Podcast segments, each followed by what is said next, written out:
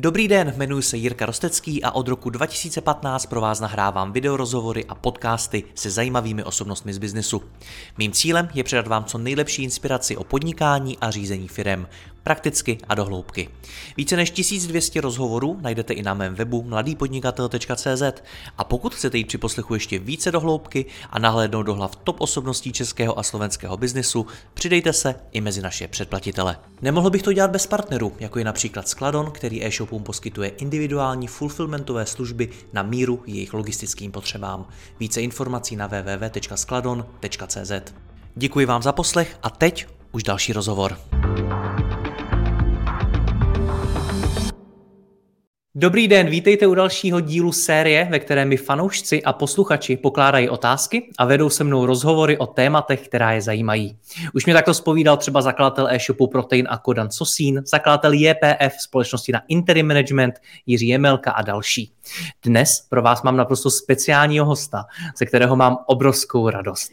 Začnu tím, že podle mě udělal pro český biznis víc, než si možná sám myslí. V době, kdy jsem byl já ještě na střední škole hledal jsem nějaké informace o tom, jak začít podnikat a jak podnikání vůbec funguje, tak toho na českém internetu moc nebylo. Pro zajímavost, český Forbes vychází od roku 2011. V tom též roce jsem založil první verzi Mladého podnikatele, který byl ale tenkrát jen takovým malým blogem a aktivně na něm makám až v posledních 8-9 letech. Můj dnešní host si ale svůj blog založil a první článek na něm vydal dávno před námi už v roce 2005. Pojmenoval ho stejně jako později i svou knihu Podnikání v USA. A co by bloger se stal alespoň pro mě jedním z hlavních zdrojů informací o podnikání v době, kdy tady toho skutečně moc nebylo.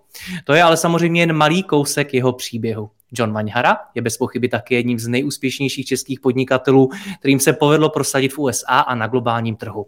Původem je z Brna a v roce 2001 se přestěhoval do Ameriky, kde založil několik firm a o šest let později tu asi nejvýraznější Shipito, firmu na zasílání zboží, se kterou expandoval do více jak 200 zemí světa, dosáhl obratu kolem 30 milionů dolarů a v roce 2015 ji úspěšně prodal. Stal se také jedním z investorů populární televizní show České televize Den D. Dneska se věnuje hlavně budování datacenter na těžení bitcoinu a platformě na těžení bitcoinu pro retailové zákazníky Veriby a také je partnerem ve společnosti Planet Express, která posílá zásilky do celého světa. Pojďme na to, Johne, já tě vítám a zdravím tě do Los Angeles. Ahoj. Jirko, děkuji za krásné představení. Vždycky mě to udělá radost a i to, že četl z blog, když jsem začínal psát. A rovnou se do toho pustíme. Já mám teďka úplně takovou taky trému, protože vlastně poprvé dělám rozhovor s někým a jsem na té druhé straně, ale je to super. Hrozně jsem se na to těšil.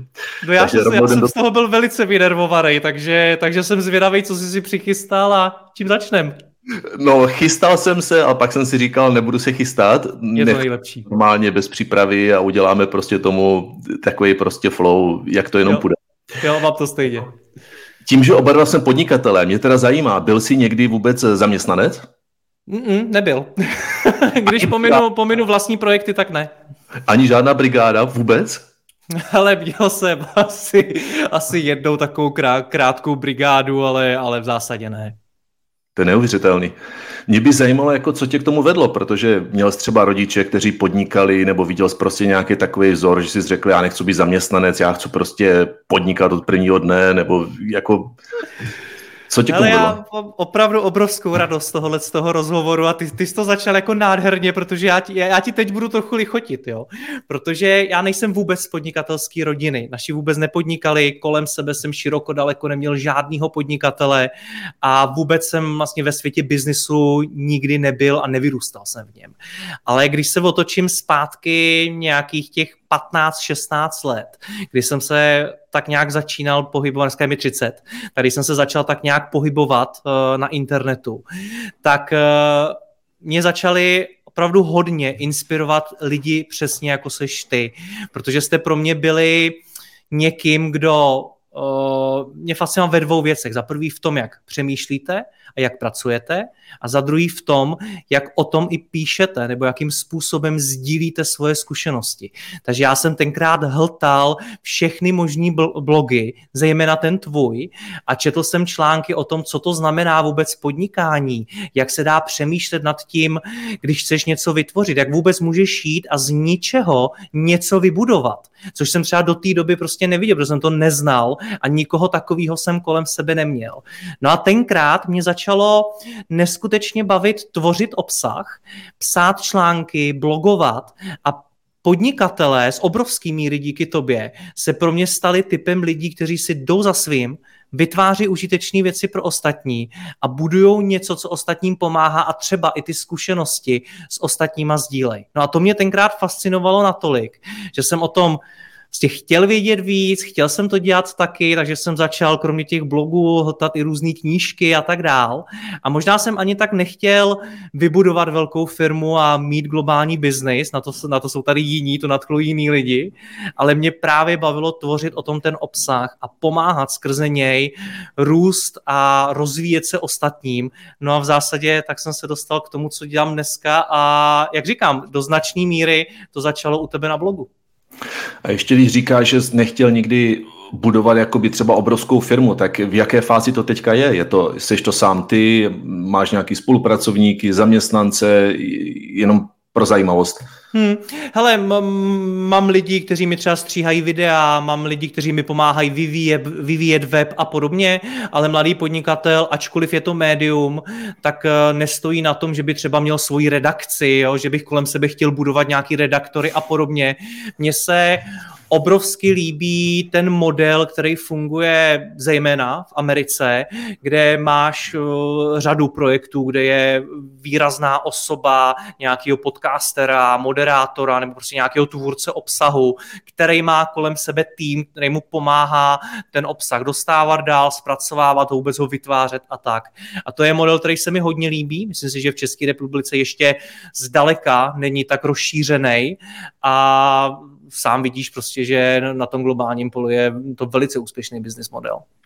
A nemáš i pocit, že když máš prostě firmu, která je třeba menší, jak třeba v tomhle tvým případě, že máš pár externích spolupracovníků nebo prostě lidi, co ti pomáhají, že vlastně je to svým způsobem možná i jakoby svobodnější, třeba, že tam není taková zodpovědnost za tisíce zaměstnanců nebo že nemůžeš udělat porušvých za miliony korun, když náhodou uděláš špatný rozhodnutí, že v tom je jako, jakoby, jako krása, která moc ani není často třeba společností jako oceňovaná, že každý, já nevím, Forbes ti bude psát, tady ti vybudovali 100 milionovou firmu, tíhle vybudovali to a že vlastně to nemusí vždycky takhle být, že? Jakože hmm. No já jsem strašně rád za to, že to říkáš zrovna ty, protože když se zase vrátím na ty moje začátky, tak jsem jedna z těch věcí, na kterých jsem v úzovkách vyrůstal, tak byl samozřejmě ten pořad Den D, kde uh, jste vlastně investovali do různých projektů a takový jedno z hlavních sdělení, který já jsem si z toho odnesl, bylo udělej ten biznis co největší. To je to, co ty investory nejvíc láká a co chtějí. Investory a... ale. Ano, přesně tak, jo. To no. je zase úplně jiná, úplně jiná hra. A i já jsem si musel nějakým způsobem dojít k tomu, že nepotřebuji, nebo možná ani nechci mít nějakou obrovskou globální firmu a že to je přesně o tom, o čem mluvíš ty, že se dá vybudovat hezký, klidně malý biznis, který je svobodnější, který je profitabilní, který ti umožňuje žít ten komfort, který chceš a kde tě baví to, co děláš. A já znám, že oba dva známe řadu podnikatelů, kteří mají obrovské firmy a jako je to velká zodpovědnost, je to velká tíha a řešíš tam spoustu věcí, které možná někdo řešit nechce a myslím si, že na malých biznesech není vůbec nic špatného. Nakonec se říká, že malé a střední firmy a živnostníci jsou páteří ekonomiky. No určitě. A i ten stres, jako, že hmm. na mě třeba působíš jakoby hrozně klidně, vyrovnaně, o tom jsem se chtěl taky mluvit. Ne, vážně. Úplně tak jako komfortně a suverénně odpovídá na otázky. A když si vzpomenu na první videa, když jsem tě prostě zahlídl, tak jsem si říkal, ježiši, že na to vůbec někdo jde na tu show, jo. Ale jako v dobrým, jako fakt v dobrým, jo. Jasně. A teďka se na tebe podívám a ty prostě úplně pohotový odpovědi a všechno prostě vypráví. A jako je to fakt vidět, že jsi udělal tisíce rozhovorů a že to máš jako hrozně v té krvi, jak prostě fakt jak nějaký sportovec, který eh, celý život sportuje a pak prostě mu to vypadá to hrozně snadno pro všechny ostatní. Tak se mi to hrozně líbí, ale zajímá mě teda, uh, jako když se podíváš na sebe, mně připadne, že nejseš člověk, který by uh, byl jakoby nepracovitý, že mně připadne, že pracuješ hodně a myslím, že se nebýlím, ne? Asi? Nemýlím. Že jako jedeš prostě, že jinak bys to asi nedokázal vůbec udělat tolik rozhovorů, všechno musíš mít organizaci a tak dále. Ale jak si třeba teda udržuješ nějaký takový balans, jakože aby se z toho nezbláznil, nebo aby tě to nepřestalo bavit třeba, že? Já strašně děkuju, jo, to, jak jsi mě teď vychválil, to je, to je úžasný, moc ti za to děkuji, strašně si toho vážím, to si vystřihnu a budu si to pouštět v těch jako špatných chvílích, jo, protože to se bude hodit, tohle děkuju. Já to fakt vidím, to je úplně vidět, to je normálně, z tebe je to strašně vidět prostě, úplně. Ale opravdu moc ti děkuji, moc to pro mě znamená, je zatím strašně tvrdá práce, jak po té pracovní stránce, tak i po té osobní, protože možná, možná, že znáš sám, ono to není jenom o tom jako udělat ty věci v té práci, ale umět si je udělat i v tom životě a najít tam nějaký ten klid, nějakou tu stabilitu a podobně. No ale možná co to je? Sám, Přesně Co tak. to je? Jo. To tajemství nám řekni, ať se dozvíme něco. Ale já nevím, jako to kdybych viděl, tyjo, tak možná vydělávám úplně jiný peníze někde jinde. Já si myslím, že to je o tom, že, ne, že nebuduješ jenom tu firmu, ale buduješ i sám sebe, což je taky nějaký projekt. To znamená, že znáš svoje slabé stránky, víš, co tě trápí, umíš se podívat na to, jak přemýšlíš, umíš s tím přemýšlením pracovat, umíš být k sobě upřímnej a říct si, hele, já se bojím, nevím, natáčet rozhovory. Proč? Proč se bojím? Proč se bojím bavit s lidma? Co je tam to, co mě blokuje? Proč mám nízký sebevědomí? Kde se to bere? A snažit se najít ty příčiny a překonat to. A myslím si, že je neskutečně důležitý a to je jedna z věcí, kterou si dovolím říct, že se mi povedla. Umět si říct o pomoc. Ať je to terapeut, ať je to mentor, ať je to coach, ať je to někdo prostě zkušenější, kdo je o kus přede mnou a může mi říct, hele, tohle jsem třeba řešil taky, taky jsem třeba, nevím, měl problém s tím, že jsem to v práci přeháněl a neuměl jsem si skombinovat osobní a pracovní život. Taky jsem to řešil, ale pak mi pomohlo třeba tohleto, nebo jsem to vyřešil takhle, nebo bylo zatím tohleto. A umět se bavit o tom s těmi lidmi, ptát se jich a být vůči ním upřímný a říct, Johne, hele, já nevím, já prostě vůbec nezvládám tuhle tu oblast, vůbec si s ní nevím rady, co bys mi na to řekl? to je něco, co hodně lidí nedokáže, protože se stydějí, protože se bojejí, protože se nechtějí strapnit a tak. Hmm. A tohle to je jedna z věcí, která mě pomohla nejvíc, protože když buduješ tu firmu a něco ti v ní nejde, tak jdeš a najdeš si odborníka, který ti s tím poradí. Jo, nebo to na někoho deleguješ. Je zajímavý, že v tom osobním životě nad tím takhle často nepřemýšlíme.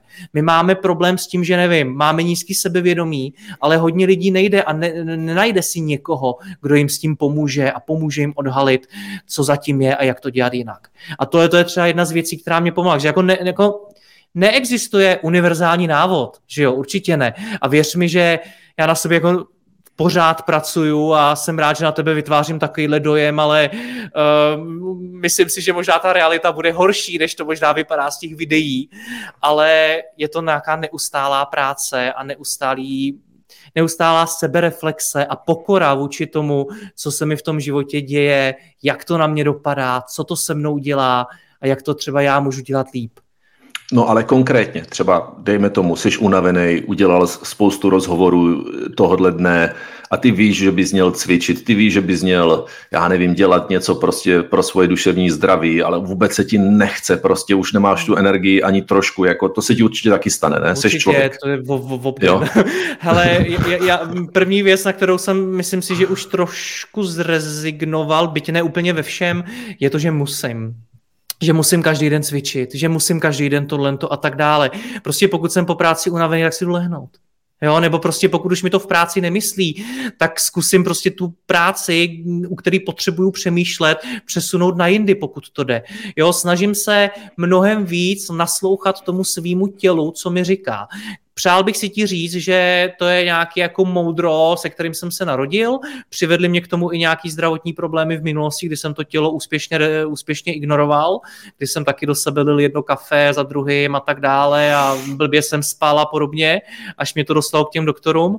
Takže jako není to moudro, který bych jako měl vždycky, ale naučilo mě to, díky tomu, že se to stalo, naučilo mě to to, že to tělo je tím největším největším jako indikátorem toho, jak na tom jsem reálně. Jo, ono to dost často neodpovídá tomu, jak je na tom ten biznis. Hmm. Možná ten biznis je na tom skvěle, ale fyzicky se cítím úplně strašně, anebo naopak. Ale dávám si hodně pozor na spánek, snažím se hmm. opravdu každý den 7 hodin nejmín, nejmín toho spánku mít, snažím se to mít nějakou pravidelnost, snažím se do toho dávat co nejvíc pohybu. I kdyby to měl být takový ten, že vystoupím o dvě zastávky tramvaje dřív a zbytek dojdu.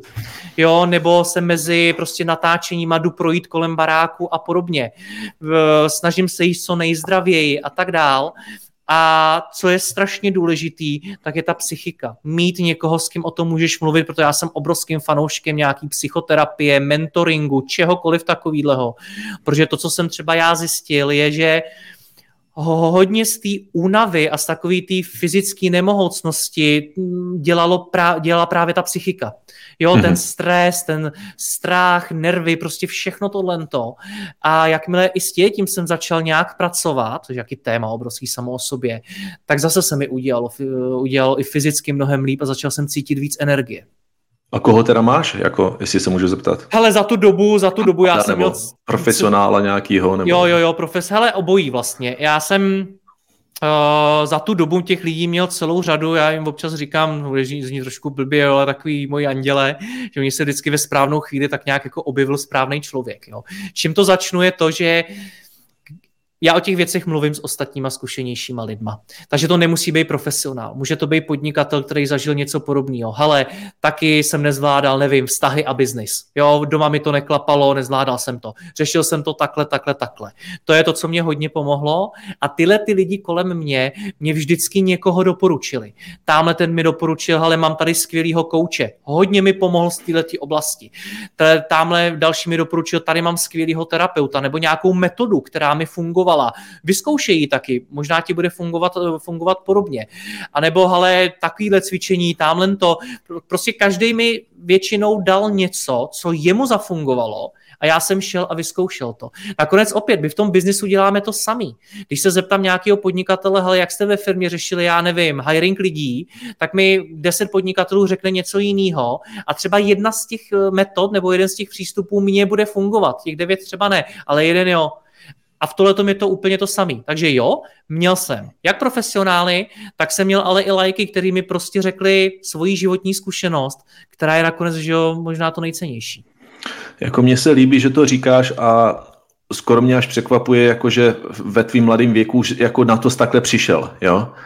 Že mám pocit, že ve 30 málo kdo na to ještě přijde. Jakože a to, jak se vlastně všichni trošku bojí se zeptat jakoby o tu pomoc, tak vlastně tím dáváš navenek jako takovou, jako tu slabost, jako že ukazuješ, hele, já potřebuju pomoc, takže vlastně jsem slabý. Spousta lidí to cítí, že si myslí, že prostě ne, musíš jako předstírat, jaký jsi borec a jak všechno funguje no, perfektně a to je to, co vlastně ta společnost očekává. No, ale, ale my jsme všichni slabí. Jako, jsme, když, no. ale paradox je, že když tu slabost ukážeš, tak on je to vlastně hrozně silný, jako že se nebojíš tu slabost ukázat a že takhle tu pomoc dostaneš, jo.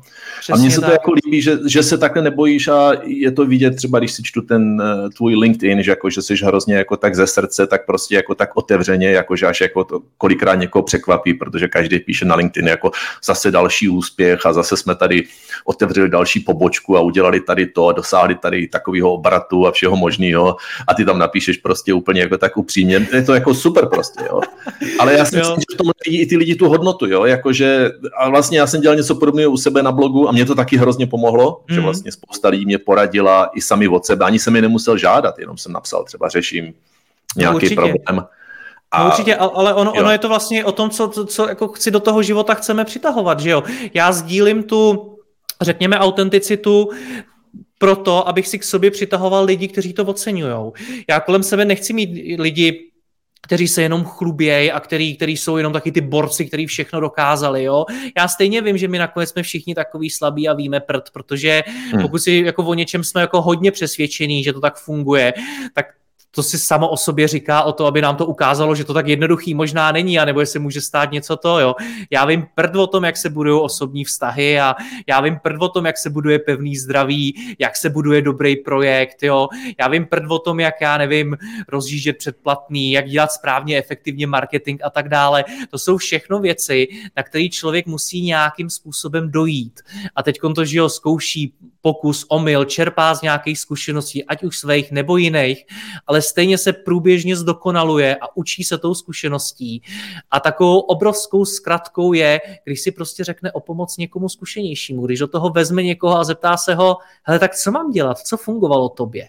A já jsem moc rád, že dneska už i kolem mladého podnikatele je komunita, která tohle spolu umí a že spolu i jak na té biznisové rovině, tak ale i na té osobní rovině ty věci sdílíme a mluvíme o nich spolu, protože ono nakonec zjistí, že všichni všichni řešíme plus minus to samé. Je tam nějaká, já jsem nikdy v té uzavřené sekci nebyl, ale je tam i nějaká diskuze jako propojení těch lidí mezi sebou, kteří tam prostě mají přístup, aby třeba mohli tyhle věci diskutovat? Jo spíš offline, tohle to je něco, co hodně rozjíždím, do čeho chci šlapat do budoucna víc, protože mě to baví a začínám cítit, že je to takový další krok pro tu moji práci. Jelikož mm-hmm. já jsem tady že ho nabíral řadu let nějaký publikum, nějaký kontakty, informace a tak a teď mě baví to propojovat v tom reálném světě. Dělat různý mastermindy, dělat různý kluby, offline akce a tak dál a to je něco, co mi právě umožňuje jít v těch věcech ještě víc do hloubky a ty lidi ještě víc posunout. Mm-hmm. Takže tohle, tohle to je něco, do čeho já teď šlapu stále víc a myslím si, že i stále víc šlapat budu. Mně to připadne jako obrovská hodnota a faktem je, že když člověk podniká, tak prostě prochází různýma fázema, že? Hmm. Jako začínáš, tak máš jiný problémy, pak třeba buduješ, máš jiný problémy, pak třeba prodáváš firmu, máš jiný problémy a vlastně mít jako přístup k někomu. On je to těžký ten přístup získat, jo. Takže třeba když by přes tu tvou platformu takhle to šlo, nebo to už jde, tak si myslím, že to je obrovská hodnota. Jo. Jako já sám jsem takhle taky využíval rady, ale někdy je škoda, že ty nejlepší rady třeba nemůžou být jako zveřejněný hmm. veřejně, protože pak přestanou fungovat nebo, nebo se o nich ani nesmí mluvit. Jo. Ale dostal jsem třeba perfektní rady, jak prodat firmu, nebo jak, jak udělat věci, jak vyjednávat no, třeba no, potom, jo. A to, to je jako, ani nemůžu říct pomalu, jo. Ale jako, no, že je to, je to fascinující, jako, že když dokážeš využít tady od těch podnikatelů a mít nějaký prostě vztah a nějakým způsobem jako se s nimi o tomhle takhle baví, tak to je, to je jako hmm. fakt velká hodnota. Jestli tohle jako ještě víc budeš rozvíjet, tak se mi to zdá. Jo. Jako Já jsem zrovna, dobrý zrovna dneska mě jeden člověk přemlouval, ať uh, ty offline akce, které pořádám, ať je nahrávám. A já to nedělám z, přesně z tohle toho důvodu, o kterém ty jsi mluvil. Abychom tam mohli mluvit o všem a abychom tam mohli mluvit na rovinu. To je Super. ta největší přidaná hodnota. Proto tam je. nemám kameramana a podobně. Maximálně mi tam chodí fotografka, ale ta dělá jenom fotky. Ale ten content, to, to co si tam řekneme, je za zavřenýma dveřma. A přesně to vytváří to prostředí, kde skutečně můžeme sdílet cokoliv. A máš pravdu, napr- naprosto vím, kam míříš. Velmi často tam padají věci, které mě úplně jako strašně mi to láká to tweetnout, nebo prostě to nějakým způsobem zveřejnit, protože je to obrovský zlato, ale víš, že prostě nemůžeš. Jo, že, že, že, že z nějakého důvodu nejde. Takže proto třeba ty akce nenahrávám. A v tom je ta hodnota. To je, tak je to dobrý. No, uh když teďka se podíváš teda na, na ten mladý podnikatel, tak co, co máš za další plány? Jako máš, plánuješ si trošku, jako kam to chceš dostat, nebo jak chceš vyrůst, nebo necháš to prostě plynout tak zenovsky, jako jak to dopadne, tak to dopadne, nebo jak se k tomu stavíš? to, ale obojí v zásadě, jo. Já, já nejsem ten typ, jako já věřím, věřím tomu, Jore, že Uh, ty když si, když si tenkrát na, jestli se nepletu, na Masaryčce v Brně studoval, co jsi to studoval, tilákat češtinu? No, no, pedagogickou, učitel jsem měl být. učitel si měl být. Tak jest, takže si asi taky tenkrát neplánoval prostě, že vybuduješ obrovskou globální firmu a dneska budeš těšit bitcoin a podobně, jo. Já ne, vůbec myslím, ne. To, Přesně, já si myslím, že to plánování někdy trochu, trochu přeceňujeme. Samozřejmě já mám plány, kam ten projekt chci posouvat, co s ním chci dělat. Můžu, můžu klidně tady říct jednu, jednu věc, kterou jsem ještě nikdy, nikdy zatím nezveřejnil. Budeme rebrandovat. Uh, ten název Mladý podnikatel. Už jsi starý? Už jsi starý podnikatel. Ale to je ten for jsem... mladý podnikatel. Nech to, neměj to. jsem slyšel tolikrát, že už jako... už, už se ho chci zbavit. Ne, už um, znám z nějakého feedbacku a z nějakého výzkumu, který děláme, se nám ukazuje, že uh, to některou část publika odrazuje a že vlastně nerozumí, co to je za obsah, pro, pro, jako pro jaký mladý. Uh, je, když už mám firmu, uh, najdu tam teda nějaký content, který pro mě je. Jo, už prostě ten název už neodpovídá tomu, co vlastně chci tvořit, takže to budeme, budeme rebrandovat, to je jedna z věcí. Další věc je určitě budeme víc šlapat do toho off, offlineu, určitě chci dál pokračovat v tom prémiu, chci se zdokonalovat v tom obsahu. Teď mě třeba baví natáčet eh, delší rozhovory, kde toho hosta mám třeba dvě až tři hodiny a opravdu se bavíme o té jeho firmě a probereme celou řadu témat, kde ty najednou zjistíš, že to, aby ve firmě nastavili finanční řízení, tak my se musíme první bavit o hiringu, protože na to neměli lidi, pak na to neměli procesy, pak na to neměli vůbec tu firmu, firmu postavenou a pak teprve mohli začít řešit nějaký finanční řízení, nebo začneš zjišťovat, jak obrovsky tam do toho spadají témata vztahů v té firmě. Uh, hodně mě baví pronikat do toho, OK, vybudoval si velkou firmu, co dělali rodiče? Jak, z jakého seš vlastně jako základu, odkud ty pocházíš, jo? jakou roli v tom hráli? A teď najednou zjistíš, že ty máš třeba jako zkušenýho podnikatele, ale jemu v té firmě pomáhal táta, který předtím prostě budoval velkou firmu, třeba zkrachoval, ale najednou mohl přijít a zužitkovat to někde jinde, což je taky obrovský know-how, který máš uvozovkách zadarmo a jsou to takový ty, jak se říká, taky ty nefér konkurenční výhody, jo, který prostě máš hmm. ty nějakým způsobem daný a nedá se to tak snadno získat, pokud se to dá vůbec získat. Jo, takže mě baví opravdu jít víc do hloubky a doručovat tím publiku ještě, ještě lepší obsah.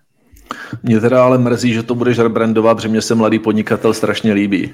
A když se nad tím zamyslíš, pro mladého člověka je to perfektní inspirace a kdyby víc mladých lidí podnikalo, myslím si, že to je jedině dobře, hmm. jakože třeba lepší, než mít státní zaměstnance, jo, no. jakože já se hlavně, hlavně bych si moc přál, tohle to určitě je pravda.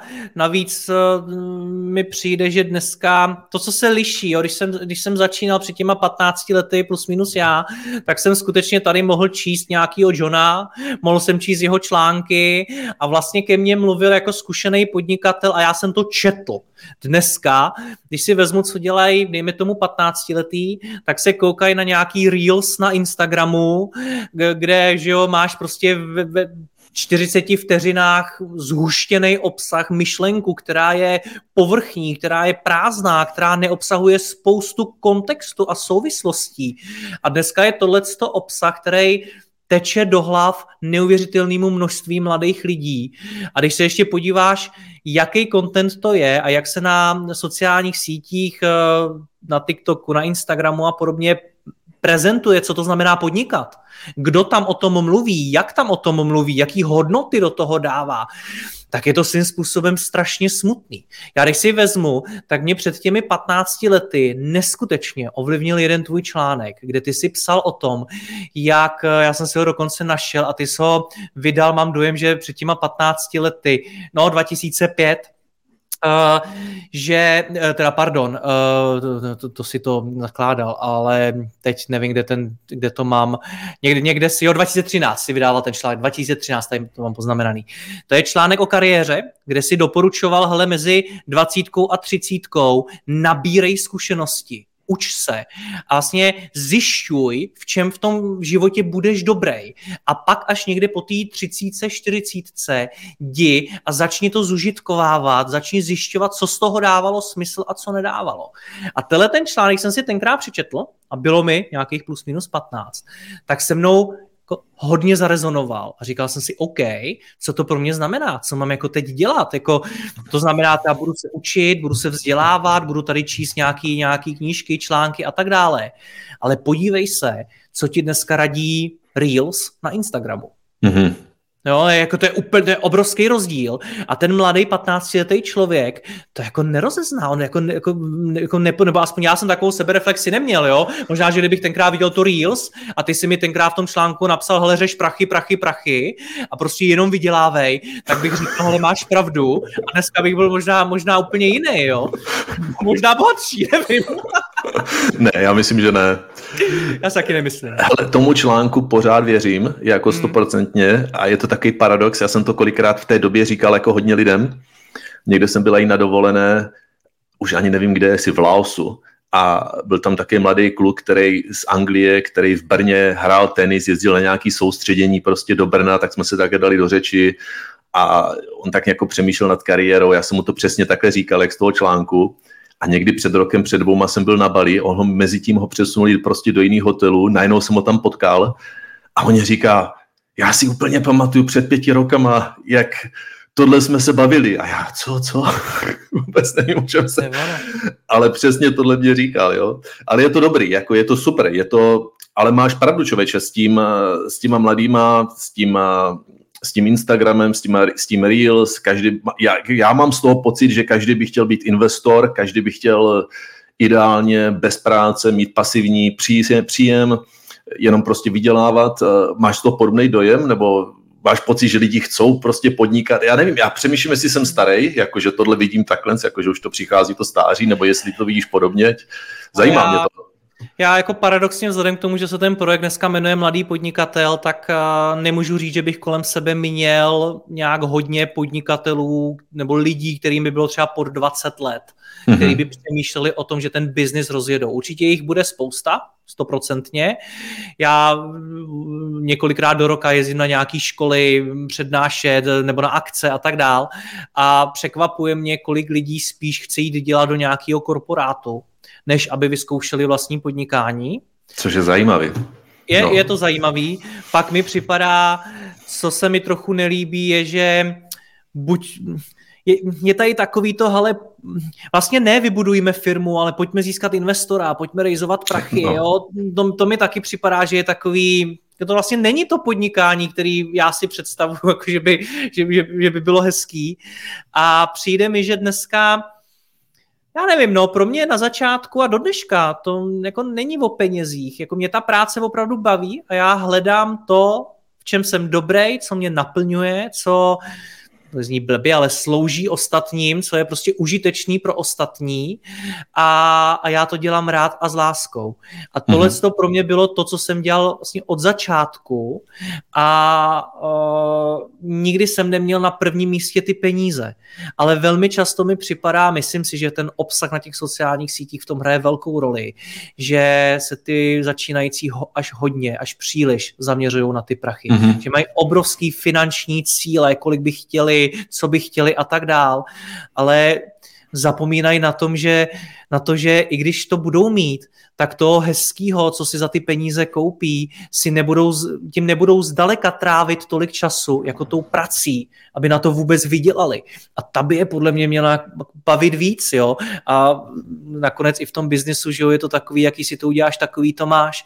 Takže já nevím, no, ne, ne, nepřijde mi, že by, že by se tohle to kultivovalo tak, jak bych no, přál. ale když jako když nebudeme jako špinit peníze, jo, jako by cíl, jo, ale když, když se budeme bavit o tom, jako že třeba je to takový stupení si třeba říct, jako chci mít tolik a tolik peněz, že? Ale třeba jakoby, když se na to podíváš z hlediska třeba životního stylu, přemýšlíš takhle třeba, že si říkám, chci být, já nevím, chci žít takovýmhle způsobem, nebo chci, a nemusí to být materialistický, to může být zážitkově třeba, jako chci si dovolit třeba, já nevím, cestovat někam, hmm. nebo jo, jakože na to ty peníze potřebuješ, jako máš takovýhle nějaký cíle nebo pocity, určitě, jako jak bys, jo?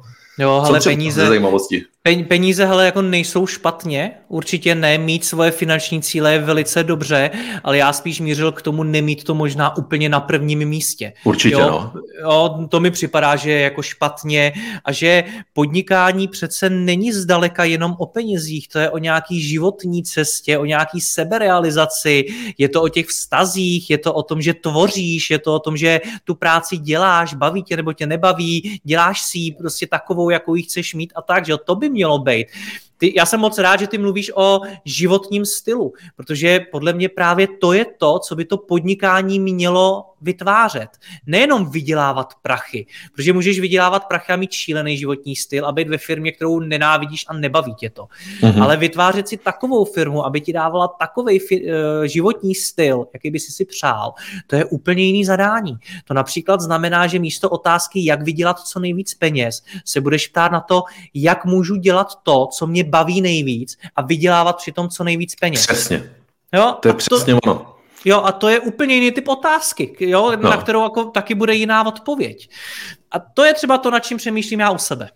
No, hele, ale já jsem přemýšlel úplně stejně a když nad tím takhle přemýšlíš, tak si podle mě tu firmu můžeš jakoby vytvořit krok za krokem k tomu obrazu, jak chceš, jo. ale když nad tím nepřemýšlíš, tak děláš prostě rozhodnutí, které ti vlastně potom zamezí tomu, aby to vůbec takhle fungovalo. A hrozně moc lidí nad tím nepřemýšlí. Jakože, a teď záleží, jaký máš hodnoty, že každý si ceníme něco jiného. Jakože, a nevím, ty můžeš třeba chtít se probudit ráno v 9 a tak si nebudeš dělat něco, abys musel stávat v 6 třeba, že? ale někdo chce mít třeba nějakou flexibilitu s časem nebo chce mít nějaký další koníčky, chce mít prostě nějakou věc a ono vlastně každý rozhodnutí, co ten den děláme nebo jak si tu firmu nastavujeme, tak uh, tomu Přesně odpovídá. tak. Já jsem třeba pro mě jedno z největších překvapení za tu dobu, co, co dělám to je tu práci, bylo, kolika podnikatelům vznikly a vyrostly firmy pod rukama, aniž by to tak nějak jako, aniž by to promysleli, aniž by si řekli, jakou firmu vůbec chtějí mít.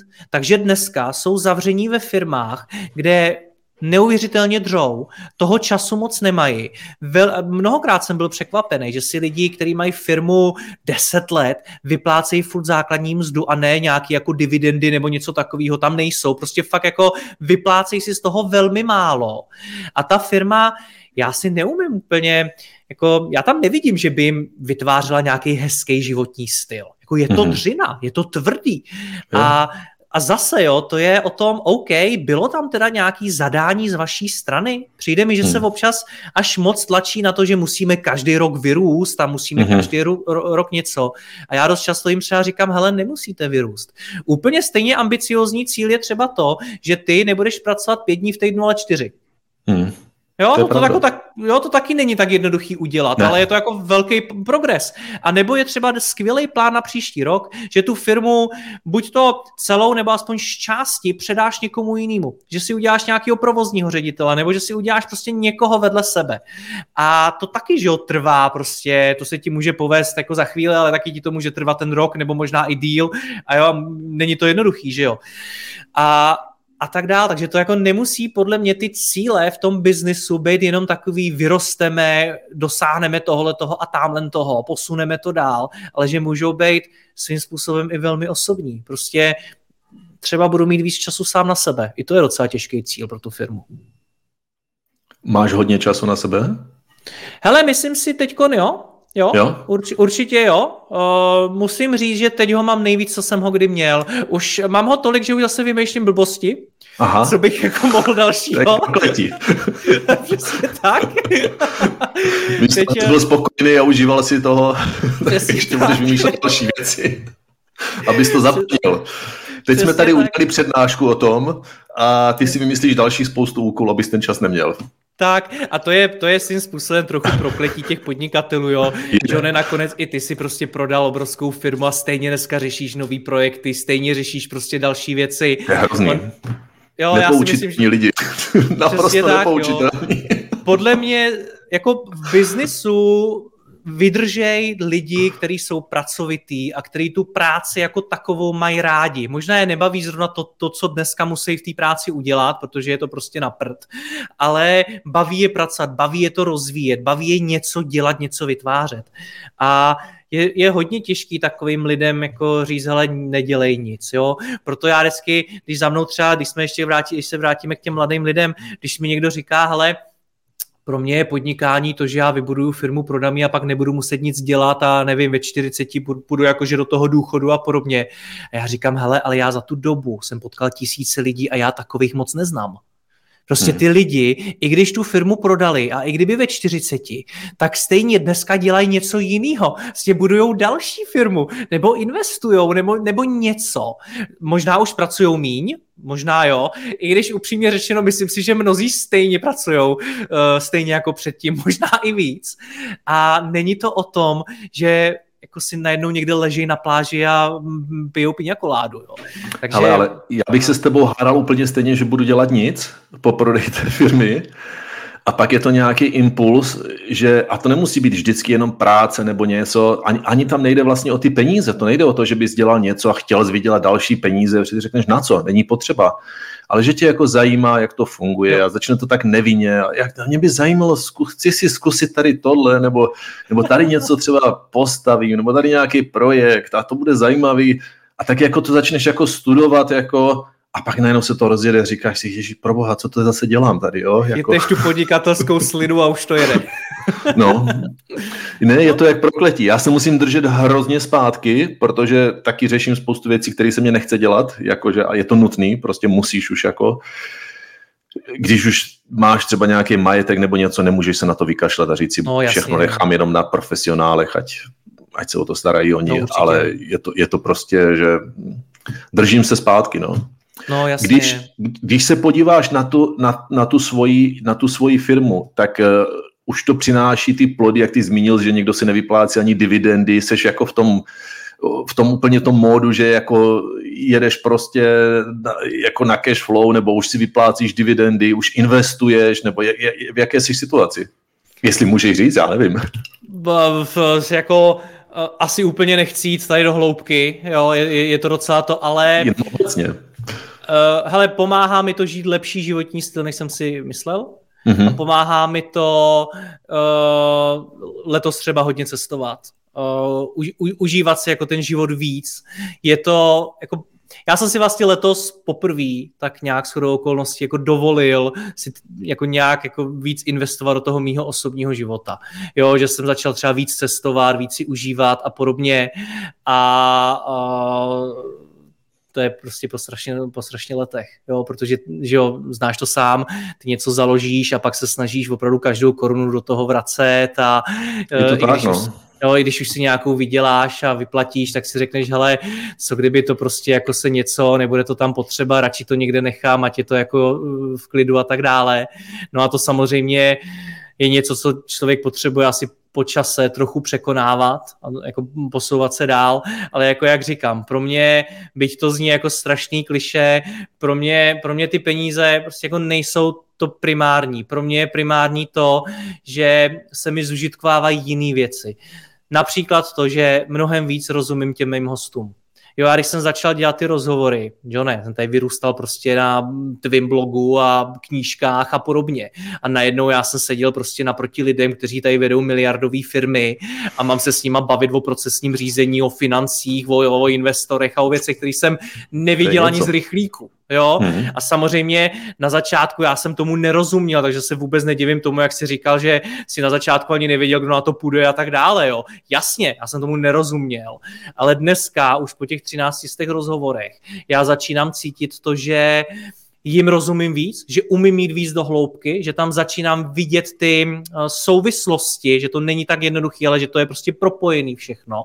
Začíná se mi hodně zužitkovávat ten network, ta, ta síť těch kontaktů, že už dneska opravdu dokážu velmi dobře propojovat lidi, velmi dobře je dávat dohromady, uh, spousta informací kolem toho, umím dělat ty offline akce, znám strašně moc příběhů, které jsou velice zajímavý a tak dál. A tohle to jsou věci, věci, které mě baví mnohem víc, že se mi zužitkovávají, protože v sobě mám přesně to, o čem ty mluvíš a to je takový to, co bude dál, jako co vytvořím dál.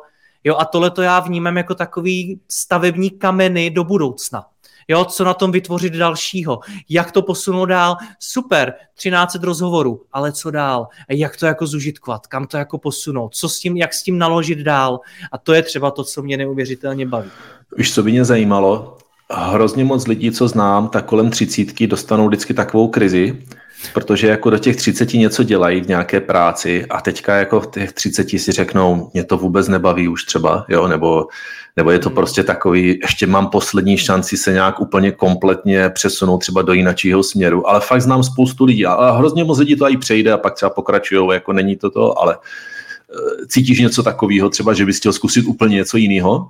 Hele, mnohokrát jsem to cítil. Jedna, jak, jak jsme se předtím bavili o tom, že uh, rád jiným lidem, zkušenějším lidem říkám, co mě trápí, co řeším, tak jedna, díky tomu přístupu jsem dostal jednu z nejlepších rad, jako mi kdo kdy v životě dal. Bylo to typuju třeba už 6 let zpátky, 5 let zpátky, kdy já jsem začal to, je to cítit poprvé. Já už jsem pár let dělal ty rozhovory, a začal jsem cítit, hele, OK, super, mám jich za sebou, nevím, pár stovek, uh, co jako dál, chci to dělat dál, nechci si zkusit něco jiného, baví mě to ještě a podobně. Měl jsem takový blbý období.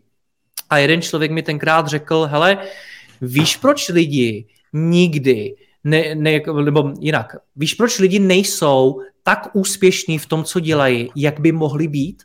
A já jsem říkal, no nevím, proč. A on mi řekl, protože u toho nevydrží dostatečně dlouho.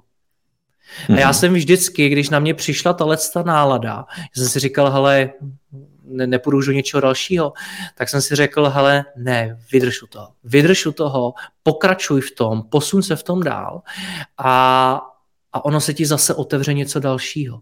A díky tohle tomu přístupu, díky té ty radě, já jsem si skutečně vždycky posunul o, o, o, další, o další úroveň. Jo? Třeba jsem začal mít ještě zajímavější hosty v těch rozhovorech, nebo jsem přesně začal jim mnohem víc eh, rozumět, nebo hmm. jsem začal dělat třeba ty offline, offline akce, začal jsem to, ty rozhovory dělat naživo. Já jako bývalý introvert, pro mě to byl obrovský skok, jo? já jsem jako, se nechtělo a tak dál. Takže vždycky, když na mě to, přišlo, tak já jsem si řekl, vydrž to, pokračuj dál, protože čím díl ty tu věc děláš, tak tím lepší ty v ní můžeš být a tím jako získáváš tu dovednost, ten skill a na, na tom to můžeš stavět dál. To je to mi Což je třeba, jako já to naprosto akceptuji, ale třeba v mém případě já vždycky mám pak pocit, že už mě to jako trošku začne nudit, jakože jakmile eh, pochopím, jak se ten biznis dělá nebo něco, tak už si říkám, a už mě to moc nebaví, už tam není tolik hmm. toho učení, ale jako obojí je podle mě hrozně validní přístup, jak to dělat, jakože vlastně, když to dokážeš dělat dlouho, tak to má strašnou hodnotu, že? Jak jo, jo, vždycky jo, tak cokoliv děláš dlouho, tak to má hodnotu ona už v tom. Jo. se vyvíjí, že jo, ta moje práce, prostě tam je neustále něco novýho, lidi většinou vidí mě skrze ty video rozhovory, ale že jo, zatím je prostě teď se učím líp řídit ten tým, líp pořádat ty offline akce, hledat nový business modely, jo, prostě ono je to neustále něco novýho zatím, jo, teď děláme výzkum trhu, to jsem si v životě nedělal, jako jo, zase je mhm. to obrovská zkušenost, hloubkový rozhovory s respondentama, x takových věcí, pro mě novinky, který jsem věděl, že existovaly, jako naživo jsem je nedělal. A najednou to, najednou to zažívám a musím, musím to nějakým způsobem jako všechno řešit. Takže ono se to vyvíjí neustále, hele, ale taky jako už to, s jakým nadšením já jsem před lety chodil do, do nových rozhovorů, tak dneska už to nadšení třeba taky ne vždycky tak velký mám. Je to svým způsobem už prostě rutina. Jo, hmm. další rozhovor, odmoderuju ho a jedu dál. Na druhou stranu, ono to není možná špatně, protože díky tomu, že už se to pro mě stalo nějakou rutinou, tak já už se cítím víc sebejistý v těch rozhovorech a třeba jo. dokážu pokládat i lepší otázky a hmm víc než sebou a svým vnitřním stavem, jestli jsem v pohodě, jestli se nebojím, jo, jestli to nedělám blbě a tak dále, tak se můžu zabývat tím hostem. Jo. A, takže, takže ono to jako taky pomáhá tohle. Hmm. Jako mně se i líbí, že jsi takový fakt dobrý příklad prostě, že můžeš jako mít malou firmu úspěšnou, že si najdeš svou nič. Mně se vždycky líbí, když prostě každý jsme unikátní jako člověk, každý máme svoje silné stránky, slabé stránky a najít si prostě to, co ti sedí a ono se to ani nedá moc replikovat. To je další věc, že všechny rady jsou hrozně hodnotné, ale každá rada neplatí pro tebe, protože někdo je v jiné situaci, že nejsi třeba zrovna ty. Přesně tak. Ale jako je dobrý si najít, že to, co, to, co platí tobě a a jestli můžu, tak eh, no. já jsem včera, když jsem se připravoval na ten dnešek a říkal jsem si, tak dobře, tak teda John se mnou bude dělat rozhovor, no tak co to znamená, a nějak jsem si to teda mapoval, když jsem ti začal číst poprvé a podobně, tak mi došla jedna věc a to možná ta, že Jestli jsem teda v něčem, jak ty jsi to teď řekl, jako příkladem pro ostatní, tak já bych si možná mnohem víc přál být příkladem v tom, že i č- mladý člověk, který kolem sebe, kolem sebe nemá vůbec žádný podnikatele a vůbec žádný lidi, kteří by vybudovali něco velkého, tak se může díky internetu dneska obklopit lidma, které, od kterých se učí a od kterých se vzdělává. Protože mě skutečně to, jak jsem na začátku říkal, mě ten tvůj blog velmi výrazně ovlivnil. V tom, jakým způsobem jsem začal přemýšlet. Pro mě to prostě v těch 14-15 letech byly úplně nové informace z úplně jiného světa. A já když si dneska představím někoho, i kdyby byl prostě z chudé rodiny, tamhle někde na vesnici, dneska v České republice přístup k internetu má snad takřka každý, tak si může dohledat blogy, může si číst články, konec konců na tvém blogu, že ty je tam máš opravdu historicky, já jsem to včera doklikával až prostě do toho, do toho úplného začátku, kdy jsi s tím začínal. A mám dojem, jestli jsem to dobře počítal, tak tam máš nějakých 500-600 článků, jo, nebo, nebo, nebo, nebo i víc, jako... Já ani nevím. No, jako strašně velké množství. A ne, dokonce víc, ty tam máš totiž... Tam bude víc asi ty tam máš 500 jakoby stránek, hmm. jako, jak je rubrika, tak to stránkování, no. tak ty tam máš mám tuším přes 500 jako stránek uh, tyhle ty rubriky. Nevím, kolik máš na jedné stránce, stránce jako vypsáno článku, ale prostě takže jinými snad tisíce jako článků. A v tohle tom ohledu si dneska fakt každý může tohleto dohledat, může tady poslouchat moje rozhovory, spoustu dalších. Ale může, to je to klíčové slovo. Ale udělají to. bude dělat, to už je něco jiného, no. přesně tak. Hele, já pořád přemýšlím, jestli fakt stárnu, jestli prostě je to nějaká nostalgie nebo něco, ale když si pamatuju i tady, když jsem psal ten blog ještě před těma, já nevím, i třeba možná před deseti rokama, možná před deseti, patnácti rokama, že i ta energie byla mnohem větší a že když prostě třeba člověk jako něco o něčem psal, že mnohem víc lidí i psalo mě, ale to může být čímkoliv, já už totiž moc ani nepíšu, jo, ale že jsem i cítil jakoby ze spousty lidí, jako že měli mnohem větší chuť něco dělat, mnohem větší chuť podnikat, mnohem větší chuť něco začít prostě, jo. Spousta lidí mě psalo, jak se dostat třeba do Ameriky, jak semka přijet a když prostě to srovnám teďka se situací teďka, tak lidi řeknou, a tam ani nechci je, v Čechách je nejlíp a jakože proč vůbec se snažit a ještě to těžký a jako tady dostanu dobrý job, nebo tady si vydělám že prostě něco dělám na dálku, jakože že trošku mám pocit, že se to mění a je to škoda teda z mýho pohledu, ale asi je to normální. Asi je to chceš, chceš vědět, že ne, proč ti nepíšou? no, řekni Protože netočíš ty videa na TikTok. Ale jako bez legrace, to myslím vážně. Jo? Já si myslím, hmm. že dneska bohužel se ten svět pro spoustu mladých lidí jako zužil na těch pár lidí, kteří jsou vidět na těch sociálních sítích a tvoří tam tam konkrétně úspěšný obsah, který mm-hmm. ale o který o jehož kvalitě a tak si můžeme opravdu myslet, myslet svoje. A, a to je ono, to je možná to. Prostě tenkrát, když jsem začínal já, tak tady toho skutečně moc nebylo. Tady bylo pár hmm. blogů a člověk musel hledat. Jo, dneska ta, to množství obsahu, který na ty mladí lidi, a nejenom na mladí, ale na všechny, ale když se budeme o těch mladých lidech, tak to množství obsahu, který na ně, který na ně dneska cílí a který na ně dopadá, je neuvěřitelně velký. A ještě a... takový ale fake, ne? Jakože to není takový ten skutečný real, prostě jako hele, řešíme tady něco, ale spíš je to takový jako póza nějaká, že no tady ti ukážu, jak hrozně zbohatneš, nebo já nevím, no, něco já, takového. Já teda ne, ne, nevím, Johne, teda jako jaký ty máš osobní život, ale uh, vzhledem k tomu, jak to vypadá na Instagramu, tak uh, jak se prezentují dneska některý lidi, tak by si pravděpodobně měl denně nahánět několik modelek, měl by si si denně kupovat prostě drahý auta, měl by si lítat privátním jetem všude po světě, měl by si se doma koupat v penězích a já nevím co všechno. A ty mi místo toho říkáš, že tady stavíš datacentra na, na Bitcoin.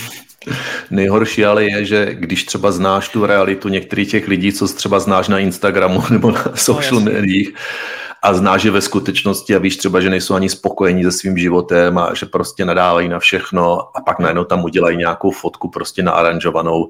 Já už na to ani moc nechodím, protože mě to jako rozčiluje, nebo jako nedělá mě to ani dobře, jako říkám no. si, jako že ta, to pokrytectví a tady tyhle věci, jako že nemám to rád prostě, no. Jednak Není to, to fakt dobrý, jako psychicky pro nikoho si myslím, jako že... Rozhodně ne. Jednak to, to jako- pokrytectví jako... a druhá věc, kterou třeba já jsem několikrát zažil, že, ty, ty, že některý ty lidi, lidi bylo pak zajímavý poslouchat, v jakým reálném stavu jsou ty jejich firmy. Jo, hmm. že ono to na Instagramu vypadalo nějak, ale pak, to jako, když, když jsi se s tím člověkem bavil o tom, jak na tom ty jeho biznesy fakt jsou, tak to bylo najednou něco úplně jiného, že jo. Mm-hmm. My dva se jako nebudeme povídat, že ty lidi, kteří opravdu jako dělají dobrý, prosperující firmy a dokázali něco pořádného vybudovat, tak jako nevím, kolik, kolik znáš ty takových, že by u toho měli čas žít takový Instagramový život a fotit u toho fotky, točit videa a podobně. Já jich moc neznám. Ne. Je to takový paradox, že žijeme v době, kdy všechny informace jsou volně k dispozici, máme jich neuvěřitelné množství, že to není tak, že bys někde musel pracně, pracně někde získávat, ale vlastně je jich až moc, je jich hrozně moc prostě fake, nedávají ani smysl a je hrozně těžký pro někoho se v tom nějak zorientovat a najít si prostě ty diamanty, které doopravdy dávají smysl, že? Který prostě ti něco můžou přidat. Je to jako zvláštní, no. Je, je to... to zvláštní a nejhorší na tom je, že nevím, jestli je z toho cesta ven. Uh, taky nevím. To je, to je bohužel blbý, no. To je bohužel blbý a trochu se obávám, že není. To jsme teda teď sice docela pesimistický, ale jako pro mě třeba bylo velice smutný zjištění, když jsem jedný nejmenovaný vysoký škole a vlastně více do vysokým školám nabízel moje podcasty a já jsem jim řekl, hele, já, já dám vašim studentům všem předplatný zadarmo. Jsou to mm-hmm. prostě to 20, něco, 20 no. něco letý, letý uh, kluci, holky.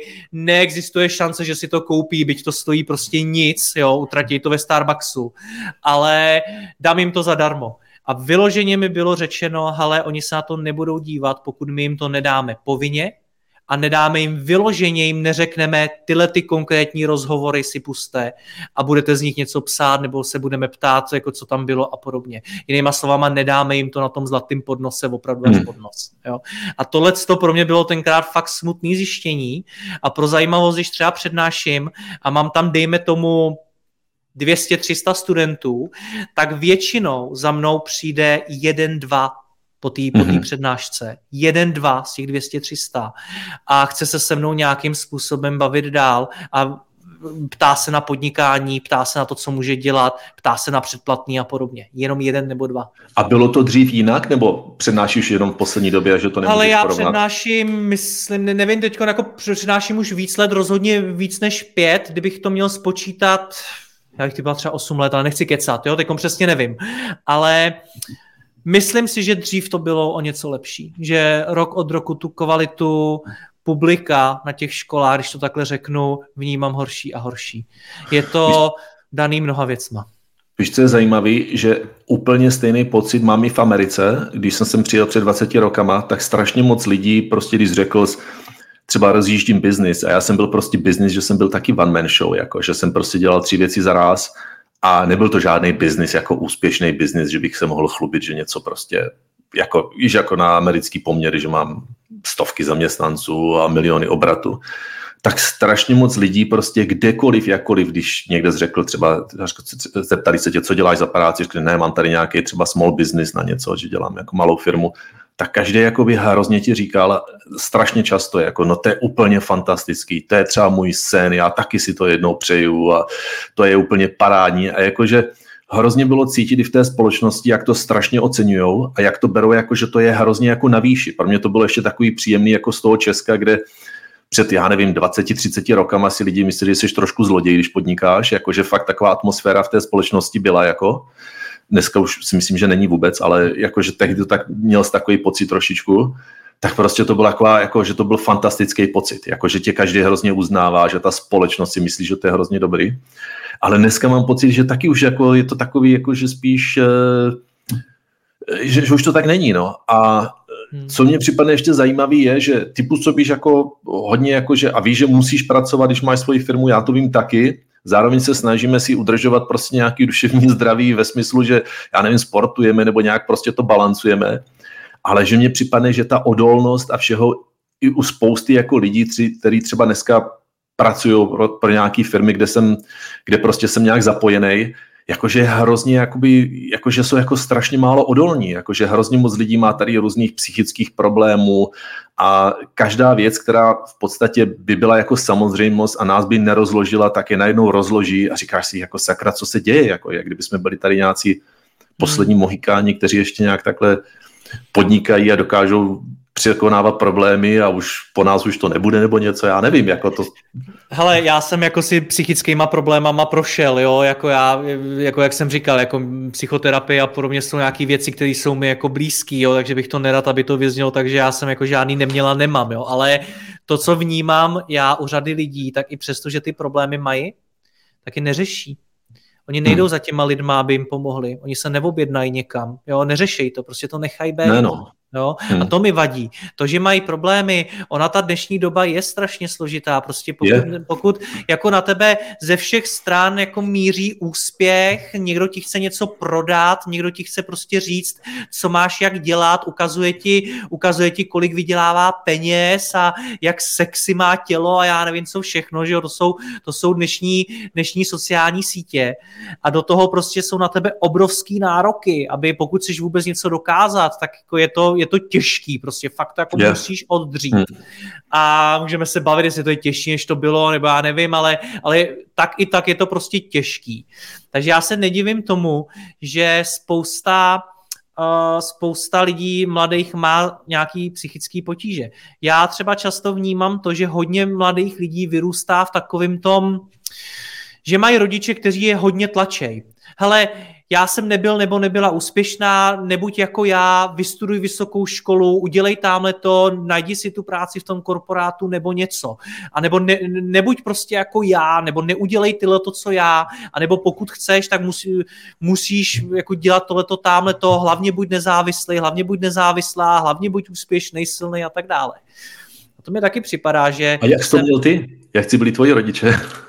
Hele, já musím říct, že já jsem jako, uh, jak to říct, jaký byli moji rodiče, skvělý. Jako já, já jsem vždycky měl veškerou podporu, to, je, to pro mě bylo důležitý. Co, je, co si myslím, že hrálo obrovský klíčovou roli, bylo to, že jsem mohl zkoušet že jsem prostě tenkrát mohl číst nějakého Johna, že jsem mohl zkoušet založit si blog, že jsem mohl uh, zkoušet pak jít dělat rozhovory a podobně. Prostě, že jsem mohl zkoušet věci, které na začátku musely vypadat blbosti, jako něco, hmm. co jako nemá tu budoucnost, jo. Přesně, no. Já jsem začal podcast dělat v době, kdy ho tady skoro nikdo nedělal. No hmm. tak jako, jaký to mohlo být úspěch, jo, tehdejší optikou. Ani nebylo a... jasný, jestli s tím někdy budeš schopen vydělávat, že? Jako, že to nikdo no, nevěděl. Přesně jo. tak, jo. A teď samozřejmě na začátku seš naivní, spoustu věcí si nějak představuješ. Myslím si, že na začátku, nevím, ale máš i ego poměrně vysoký, jo, protože seš hmm ještě v sobě nemáš některé ty věci zpracované, potřebuješ se trošku jako probít tím životem, jo, vytvořit si pro sebe nějaký ten prostor, to místo. Takže já si myslím, že jsem měl obrovský štěstí v tom, že mi rodiče dali možnost zkoušet a experimentovat, mm-hmm. i když to nebyla, řekněme, tradiční cesta. A přijde mi, že tohleto u řady jiných lidí jako nevidím, že to štěstí neměli že ty rodiče jim prostě řekli, ne, ty půjdeš na vysokou školu a budeš tady studovat, to, to tebe to nebaví, to máš to řekli za, jo, za, za, dva roky máš bakalář, tak už to dostuduješ prostě jako jo a podobně. A to mi připadá, že může být velice nebezpečný a ne každý je takový blázen John jako ty, že u toho začne ještě budovat x firem. Hele, moje maminka byla dlouho nešťastná, že jsem ne, nebyl učitel, protože učitelé mají prázdniny, mají dva měsíce volno. No, podívej se na sebe, jak si rokut. jo. Věřím je tomu. to tak. Věřím tomu. Ale i si myslím, že ať člověk začne dělat cokoliv, jestli třeba začneš studovat nebo něco, že tu cestu si asi najdeš, ne? To tak, ty jsi taky našel, jakože... Ale já ne, ne, ne, ne, ne, ne, nedovolím si tvrdit, že si ji najde každý. Myslím no, si, každý že, asi... no, že to je těžký, jo, že to je těžký. Hmm. Já jsem třeba Eh, zrovna nedávno měl možnost potkat, potkat eh, jednoho člověka, který eh, byla to vlastně učitelka, učitelka na škole a byl to její první rok, co učila. Mm-hmm. Už teď byla vyhořelá, už teď byla vlastně jako rezignovaná z toho prostředí a tak dál. A jako pro mě to byl svým způsobem dost jako smutný obrázek. Jo, viděl jsem takhle uh, doktor, uh, doktora, který prostě po velmi nízkých jednotkách let už byl fakt jako, že mu to prostředí prostě jako nevyhovuje, že to nechce dělat tu práci, že ji nemá rád. A přijde mi, že velmi často ty lidi v sobě neseberou tu sílu jít a začít dělat něco jiného, protože máš dlouhý roky studia za sebou, hmm. máš za sebou obrovský kus práce a ona i ta rodina do toho trošku jako jo, to jo no. tě, tě tlačí a to. Takže já si myslím, že v tom jsem jako opravdu měl obrovský štěstí, že, hmm. že jsem tohle to neměl a že jsem mohl, mohl zkoušet a experimentovat. To jsem, jsem za to neuvěřitelně vděčný, protože vím, že takovýhle privilegium nemá každý a je, je, je jako nesmírně důležitý a fakt bych ho doporučil všem rodičům. Nemáš ale pocit, že i ten korporátní přístup jako nejvíc ty lidi ubíjí a že máme třeba hrozný štěstí, že si to můžeme zařídit ten život podle sebe tím, že podnikáme. Že prostě, kdybys byl někde v korporaci a někdo by ti říkal, teďka budeš dělat od tolika do tolika hodin třeba tu stejnou práci, ale už by ti někdo diktoval přesně způsob, jak, kdy, jo, jako co můžeš se ptát, co nemůžeš a neměl bys tu svobodu, že by ti to třeba ubíjelo úplně stejně třeba? Hele, já nepatřím mezi ty, co by úplně schazovali korporáty, protože uh-huh. jako korporáty, jako já znám strašně moc lidí, kteří v korporátech dělají a rozhodně mi nepřipadá, že to tam mají jednoduchý. Jo, mhm. připadá uh-huh. mi, že občas vykreslujeme korporáty jako takový to, chceš mít tu pracovní dobu, vysoký plat a pěknou pozici a vlastně moc to neřešit, tak jdi dělat do korporátu. Kdyby to bylo takhle jednoduchý, tak jsme tam všichni. Jo, uh-huh. no to tak jednoduchý není. A uh, myslím si, že pro některý lidi práce v korporátu může být to nejlepší protože prostě na to mají buňky, je to pro ně dobrý prostředí, je, jinde by se trápili. Pro jiný lidi je dobrý jar v nějaký malý rodinný firmě, kde budou mnohem spokojenější. Pro někoho dalšího je lepší něco jiného a pro někoho je to biznis. Vlastně? Ale jenom, já to vidím z pohledu, že mě hodně často někdo skontaktoval, kdo třeba dělal, já nevím kolik let, hodně let v korporátu a cítil, že chce změnu a že prostě už o to nebaví a že už je unavený a je pořád na nějakých meetingách a konferenčních kolech a říká, jak chce hrozně něco dělat třeba se mnou a já mu říkám, ne, nechceš, Vě, věř tomu, že, že nechceš. A on říká, ne, ne, ne, strašně chci, strašně chci. A pak se třeba domluvíme a on zjistí hrozně brzo, že nechce. Že no, prostě no, doopravdy jako, že je tak strašně zvyklý na, na ten svůj způsob, i když ho třeba nesnáší, že ale že tohle jako to, co děláme my, jak se rozhodujeme a jak děláme, jak musíš mít tu osobní zodpovědnost, že to prostě nemá rád. Jako. Jako mě třeba nevadí, když někdo pro mě dělá, že někde udělá nějakou chybu, dokud to, když vím, dokolik, kolik mě to bude stát, tak to jako akceptuju. Jako uděláš chybu, to bude mě to stát třeba 5000 dolarů, dobrý, to, to mě zase tak nevadí. Kdyby to stálo 100 tisíc, tak mě to vadí hodně, ale, ale nechám tu chybu udělat a takhle beru, že se třeba učí a oni ani nechcou, oni chcou, aby všichni vždycky tři, čtyři lidi něco rozhodovali a pořád se o tom jednalo. Já říkám, ne, odmítám další konferenční call, prostě ne, ať to někdo rozhodne a je mě to jedno jak. Úplně, jo, jo, jo. hlavně ať se pohneme. No. Myslím si, že v Česku teď procházíme takovým eh, zajímavým obdobím, kdy tyhle ty uh, už zkušení korporátní manažeři začínají přicházet do těch mladých moderních firm. Mm-hmm. Uh, několikrát už to padlo i v mých rozhovorech. Já třeba mě třeba napadá Lukáš Antoš z Rohlíku CZ, mm-hmm. který vyprávěl o tom, jaký to pro něj bylo, když uh, přišel z korporátu do toho rohlíku za Tomášem Čuprem a najednou si tam zkusil aplikovat ty svoje korporátní postupy. To muselo být intenzivní, ne?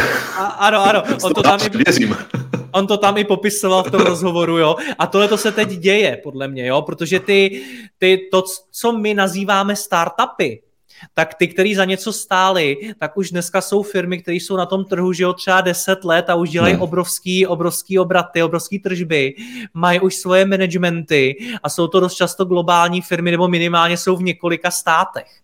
A uh, samozřejmě logicky jsou to firmy, které hledají zkušený management, zkušený lidi, kteří potřebují, no a kde je mají hledat. V těch korporátech, v těch velkých firmách, takže tyhle ty lidi, kteří v nich pracují, začínají přicházet do těch, těch úzovkách menších firm a začínají tam přinášet to svoje know-how. Takže se nám tyhle ty světy jakoby teďkom proti, protínají. Což je dobře asi Myslím si, že to je velice no. dobře, protože ono to učí obě dvě strany. Ty lidi z těch korporátů to učí možná trošičku jako porušovat pravidla, nebát se, být trošičku jako flexibilnější a tak dále. Na druhou stranu ty menší firmy to učí nějakou profesionalizaci, nějaký nadhled, odstup, uh, nějaký procesy, nějaký prostě jako, jako kvalifikovanější přístup k tomu biznisu, prostě profe, profesionalizovat se a myslím si, že obojí je dobře. Yeah. Obojí, obojí na obě dvě strany jako funguje. Takže já to sleduju teď v řadě firmách a když si to jako dobře sedne, tak je to skvělý. Mm-hmm. To ano. No a můžou to být firmy z mnoha oborů a, a, a jako fakt, fakt jako, a navíc mě, já třeba mimochodem, to je, to je pro mě zajímavá věc, začít do těch rozhovorů a daří se mi to, mám už jich tam celou řadu, přivádět právě ty, ty zkušený manažery a manažerky z těch korporátů. Protože sice my o těch korporátech často mluvíme trochu jako negativně, že jo, ale oni tam pracují velmi často neskutečně šikovní a zkušený lidi. Teď to je zl, úplný, úplný zlato, co oni hmm. nosí. Hmm ve svých hlavách a co vlastně můžou nazdílet s ostatníma. Takže já kolikrát rozhovor s nějakým zkušeným manažerem, který sice nikdy nezaložil vlastní firmu, ale rozhovor s ním jako často jako neuvěřitelně dobrý, jakože opravdu je to kvalitní, je to dobrý, je to konkrétní, praktický, takže za mě super. A zase to může sloužit někomu, že ne každý chce být třeba majitelem firmy a být podnikatel, ale chci být třeba manažer a je to, je to prostě můj cíl a když si můžu přijít, přečíst rozhovory k tobě od manažerů, tak je to perfektní inspirace. Vědět, nebo těm jak ten job, co to obnáší. Nebo těm manažerům chci rozumět. Jo? Jedna pro zajímavost, jedna z nejčastějších motivací, proč si třeba majitelé firm kupují moje předplatný, tak je proto, že chtějí rozumět těm lidem na druhé, na druhé straně. Ať je to nějaký externí dodavatel, který jim třeba, mm-hmm. nevím, implementuje nebo pomáhá jim nastavit ve firmě třeba finanční řízení, tak oni mu potřebují víc rozumět, takže si u mě můžou přehrát prostě x rozhovorů o finančním řízení a získat obrovský znalostní základ, který třeba teďko nemají a díky jo. tomu jim rozumějí víc, nebo jim to pomáhá právě porozumět těm svým jako manažerům, který sice jako dělají nějakou práci a ty je tam od toho máš, že jo, aby ji dělali, ale potřebuješ jim rozumět, že jo, potřebuješ vědět, o čem mluvěj a chceš vidět víc možná, než víš teď. Takže mm-hmm. to je mhm. další třeba motivace, proč si kupují předplatný, protože tam mají takový lidi a zase můžou prostě nasát nový know-how a vědět, o čem se ve firmě baví víc. Což i dává smysl, že je asi lepší, že to máš za tím paywallem, protože aspoň takhle je to unikátnější, není to prostě veřejně každému k dispozici a má to i tímto to má vlastně větší hodnotu. Já jsem jako stoprocentně, já si myslím, že obecně pokud dneska chceš obsah zadarmo, tak eh, běž na ten Instagram, jo, běž na ten TikTok, máš tam toho obsahu strašně moc a najdeš na YouTube a najdeš všude, ale pokud chceš kvalitu, tak ta kvalita je prostě náročná. A já yeah. jako to, že tady 12 let prostě budu mladého podnikatele, je fakt jako tvrdá práce. Tobě to nemusím vysvětlovat. Sám víš, co to znamená budovat nějaký projekt něčeho tak dlouho vydržet. Jo. A jako to, že to dneska došlo až sem, že můžu s těma lidma, můžu tam mít, nevím, finančního ředitele T-Mobileu a bavit se s ním o finančním řízení T-Mobileu. To jako není zadarmo, jo? To je prostě je super, něco, no. co, bych před pár lety vůbec nedokázal. Takže dneska skutečně každý ten předplatitel je obrovská podpora v té mý tvorbě a to fakt není jenom fráze jo, hmm. ale je to obrovská podpora a já díky tomu můžu jít víc do hloubky, můžu v tom pokračovat a můžu prostě tvořit opravdu kvalitní obsah a nesklouzávám k tomu jenom jakoby, nevím, motivačnímu povrchnímu bullshitu. Jak se teďka díváš jakoby na situaci třeba v Česku, jako ve smyslu podnikání? Jako cítíš třeba, máš někdy strach trošku třeba ze závisti, nebo myslíš si, že prostě už to tak není, nebo jako to je jako pro mě spíš jako otázka, že mě to zajímá. Jsme v tom vychovávaný, protože ty jsi to tam předtím, předtím eh, naznačil, že ti přišlo, že v Česku podnikatel rovná se podvodník a, a že tam je prostě spousta jako negativní energie a myslím si, že jo, že byla a myslím si, že do značné míry stále je. Myslím si, že úspěch jako takovej, ten jako skutečný úspěch, jo, ne to, že dáš fotku na Instagram, Hmm. Ale jako skutečný úspěch, tak je něco, co nevím, do jaký míry se v Česku zatím nosí. Mhm. Myslím hmm. si, že spousta podnikatelů jako má důvod, že nezveřejňují, že si z firmy prostě vyplatili tolik peněz a tak dále, jo? Že, že, že to jako ví, proč si to nechávají pro sebe.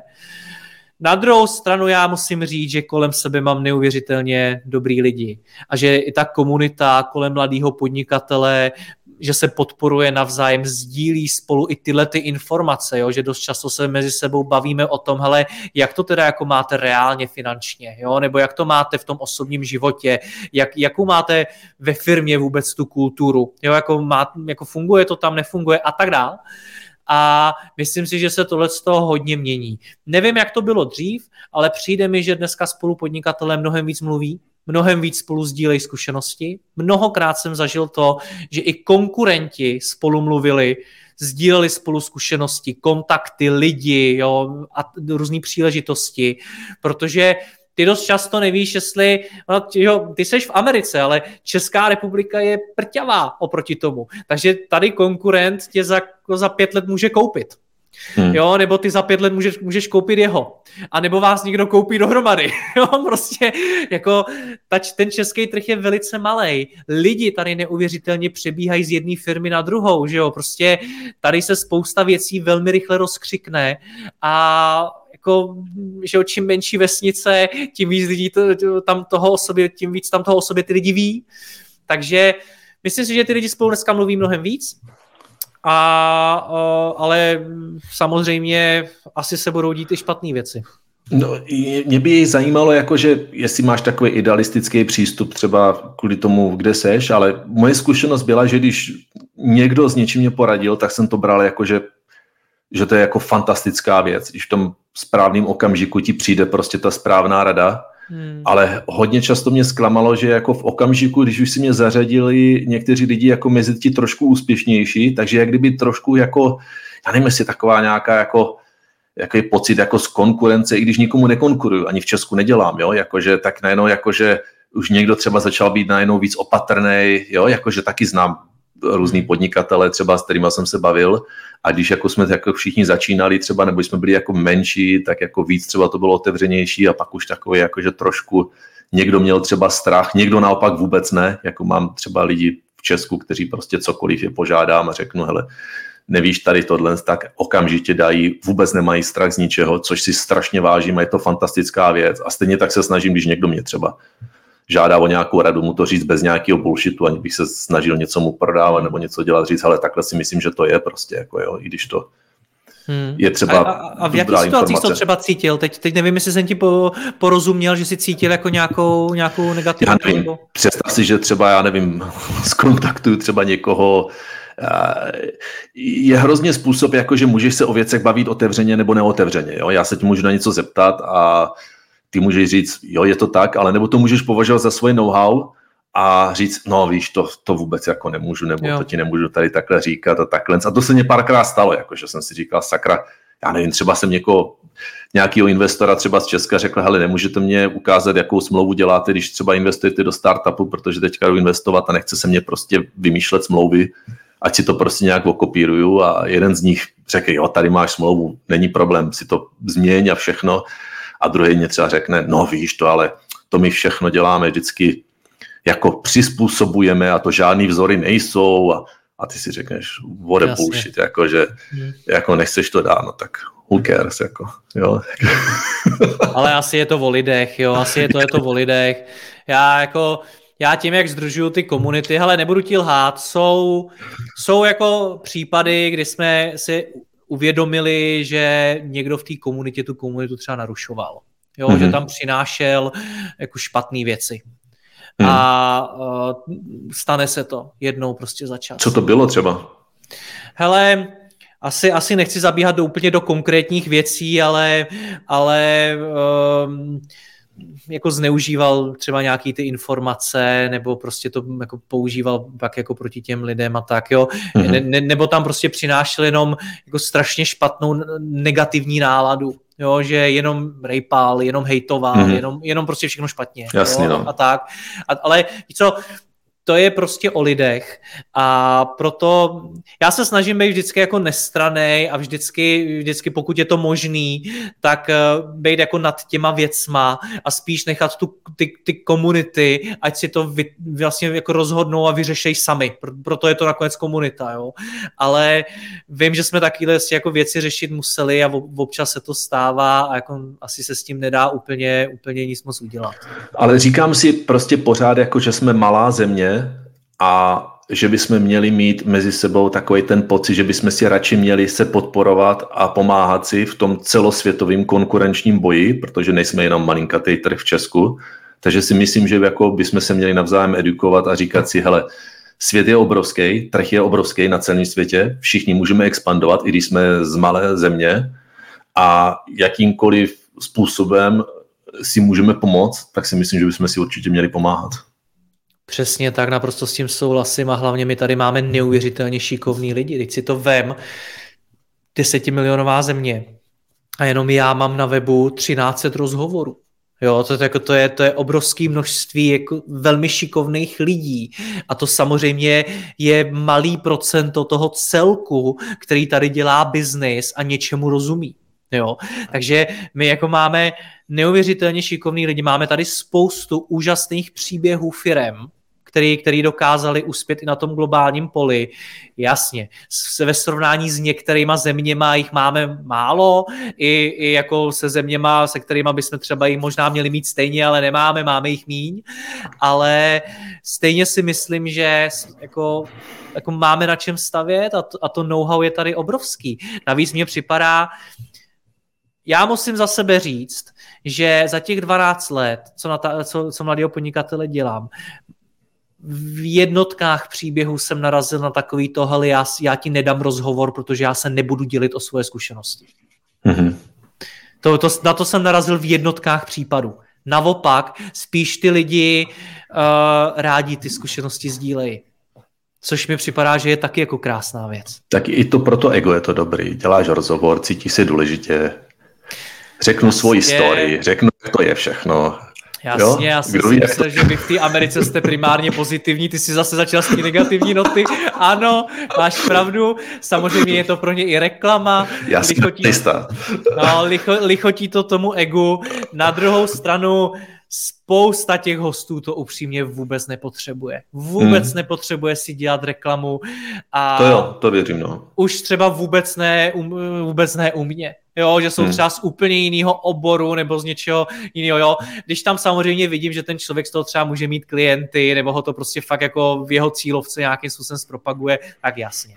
Jo, ale v, obrovská část těch hostů to takhle vůbec nemá a hmm. vůbec nepotřebuje. Jo, když jsem dělal, dělal, mám dojen dva roky zpátky rozhovor s tebou, tak ty, ty, jako, ty jsi příkladem toho, že ty vůbec nemáš potřebu asi jako vystupovat tady na nějakým mladým podnikateli, protože ti to asi jako revenue tvýho biznesu úplně nezvedne, jo. To je úplně jiný obor, úplně něco jiného, jsi někde úplně jinde.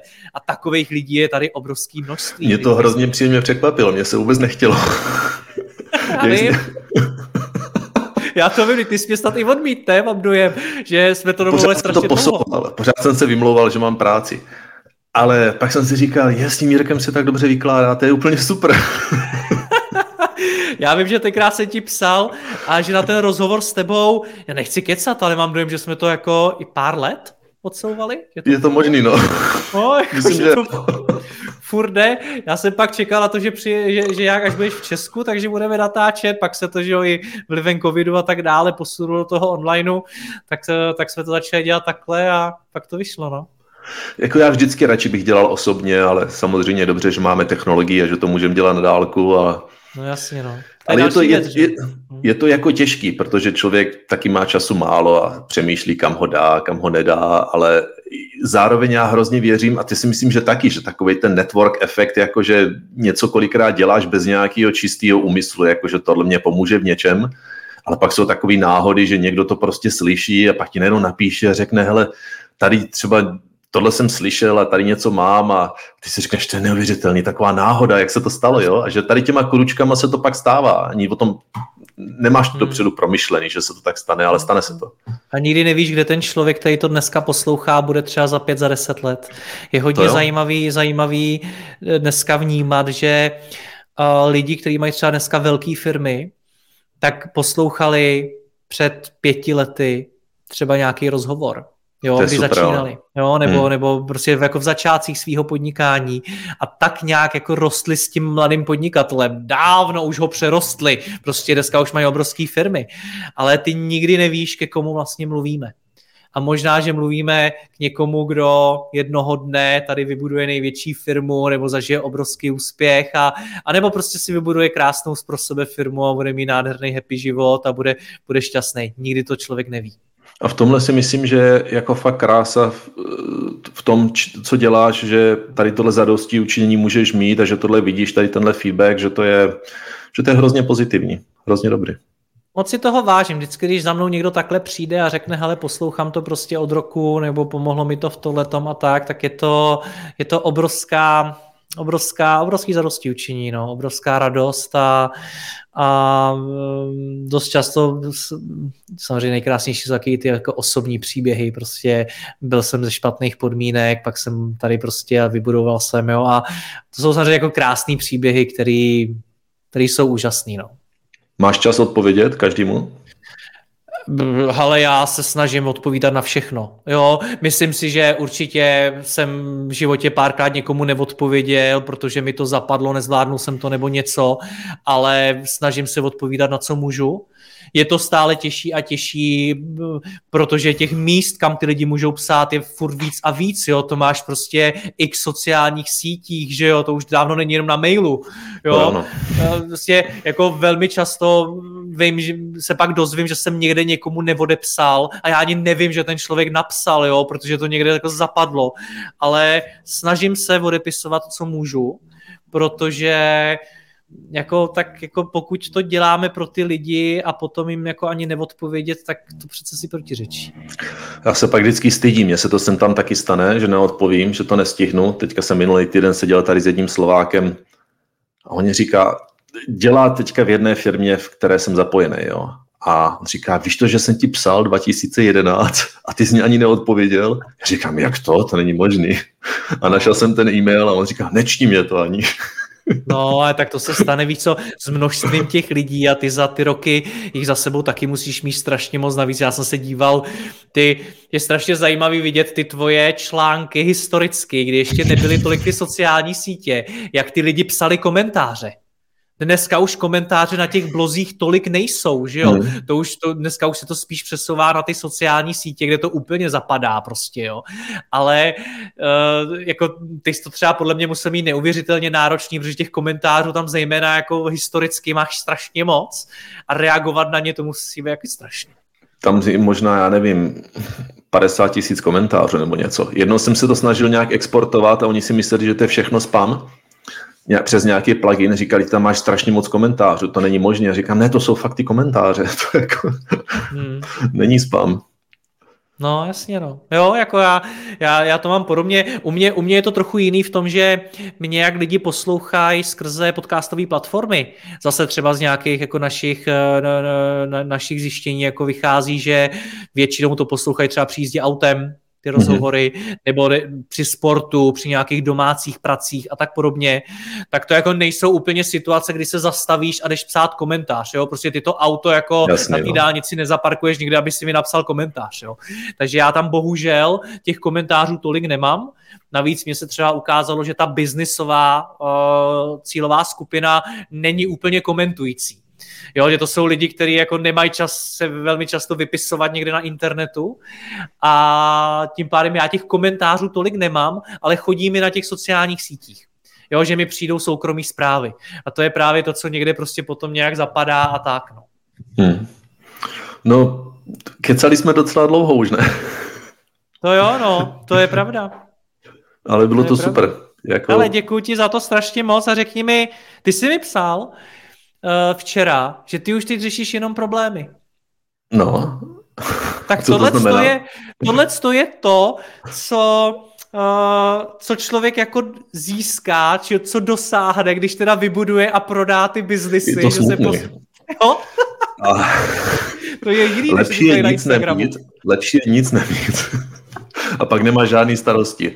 Ne, je to, je to fakt zvláštní, protože spousta lidí si jakoby myslí, že když vlastně vyděláš peníze, takže jsi úplně bezstarostný. A že vlastně už nic nemusíš řešit, protože na všechno si můžeš najmout lidi, všechno za tebe udělají a jsi úplně, úplně bezstarostný. Moje zkušenost praktická byla, že ty vlastně pořád musíš jako vědět a rozumět, co se děje a že jakýkoliv odborník, který si najmeš, tak nikdy nebude vědět tolik o té tvé situaci, o ničem, může mít svou vlastní agendu, může mít své vlastní problémy, takže vlastně ty pořád musíš, jako ty využíváš profesionály, ale pořád musíš jakoby vědět, co se děje, musíš tomu rozumět a tak dále.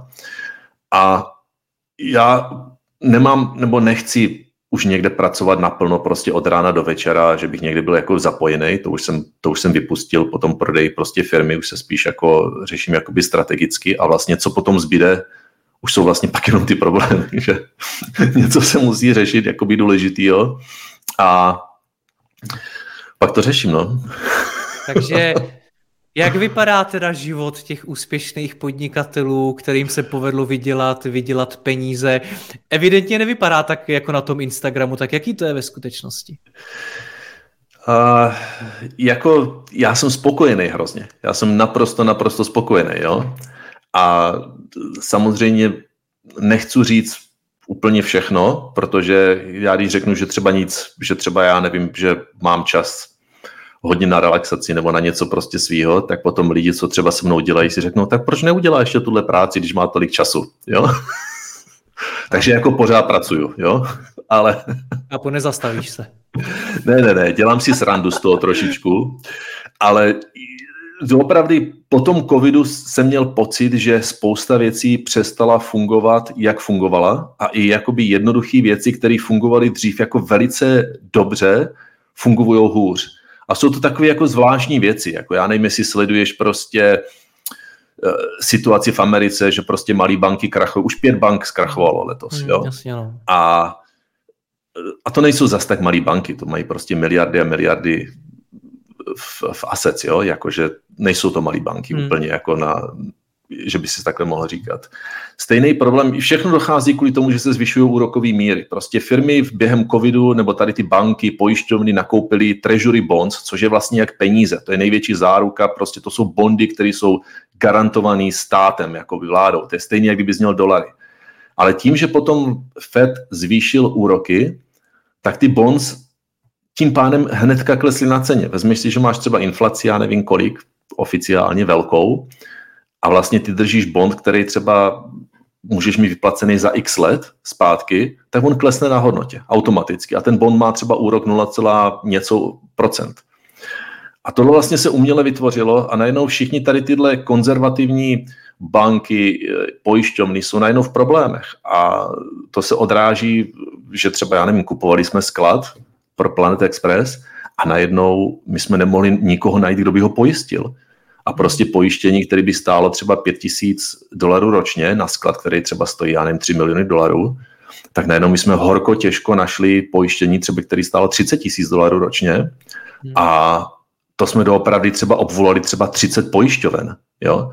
A už to bylo třeba v takové fázi ten obchod, že ty třeba kupuješ něco a máš nějakou due diligence period, kdy musíš eh, musíš prostě se už rozhodnout, že to kupuješ a když už, to, když už prostě tím projdeš, tak už prostě jakýkoliv ty peníze, tu zálohu, už prostě bys o ně přišel, kdyby z toho ustoupil a ty najednou během té due diligence period zjistíš, že nejsi schopen to pojistit. A když to nepojistíš, tak ti banka nedá půjčku a ty tím to nemůžeš třeba udělat.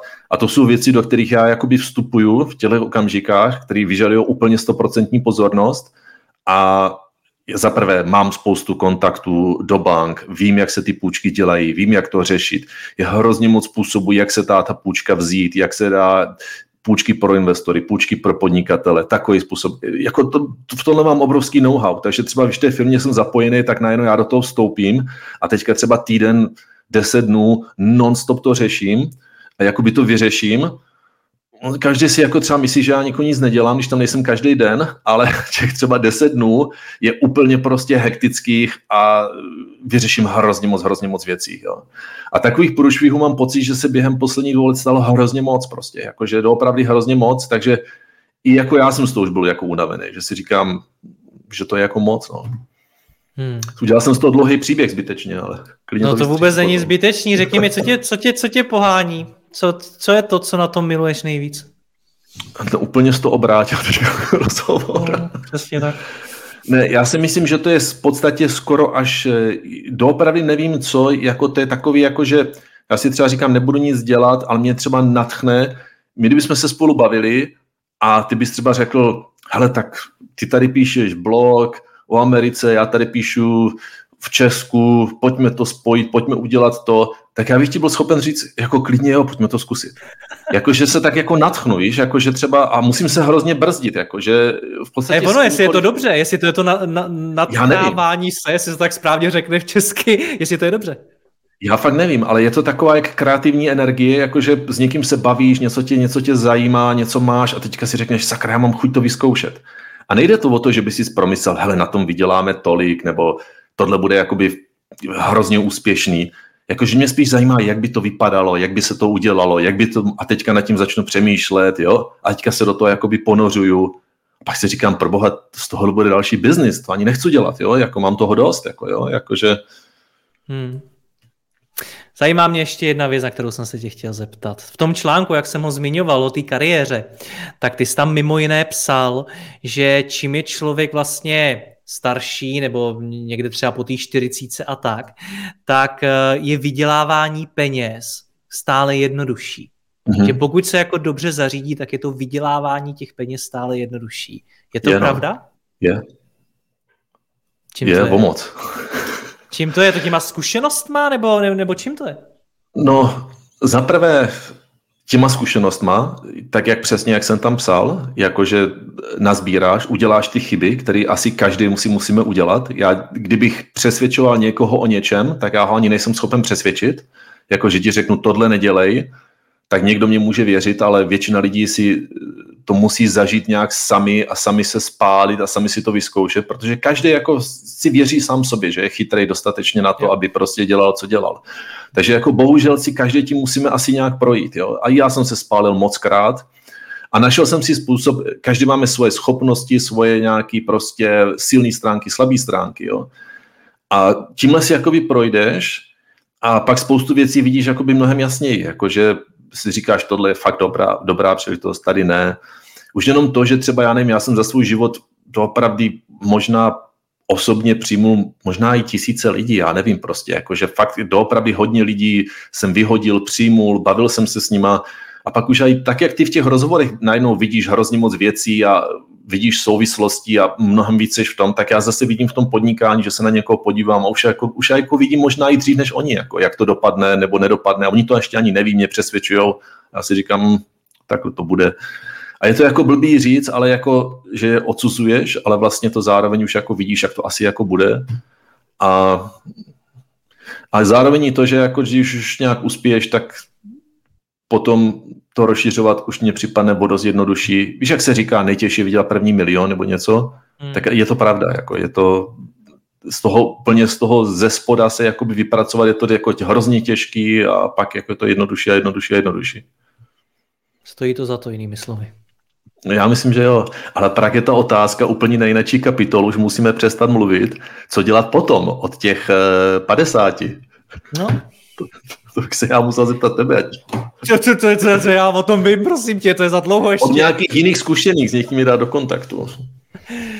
Rád tě propojím. Každopádně, Johne, děkuji ti strašně moc a chci ti ještě jednou moc poděkovat za všechno, co jsi pro mě udělal. Opravdu před mnoha lety, když jsi ani nevěděl, že vůbec existuju, tak skrze svůj blog, co jsi pro mě udělal. A věřím tomu, že i pro spoustu mých posluchačů, kteří tě četli taky. Takže ti moc děkuji za sebe i za ně. Děkuji ti za dnešní den, za, za to, že jsi věnoval to tomu rozhovoru čas a zase někdy naslyšenou, ať se ti daří, měj se krásně. Ahoj. Díky moc, hrozně mě to těší a fakt mám radost, že jsme to udělali. Měj se, Díky čau. Měj se. Děkuji vám za poslech tohoto rozhovoru a zvu vás i mezi naše předplatitele. Tvořím pro ně speciální rozhovory se zkušenými podnikateli, manažery, freelancery a dalšími profíky ze světa biznisu. V tématech jdeme ještě hlouběji a připravujeme pro vás konkrétní praktické zkušenosti z podnikání. Snadno tak objevíte cené zkratky a informace, které vám pomohou ve vašem biznesu. Více zjistíte na www.mladýpodnikatel.cz lomeno předplatné. Děkuji vám a zase někdy naslyšenou. Jirka Rostecký.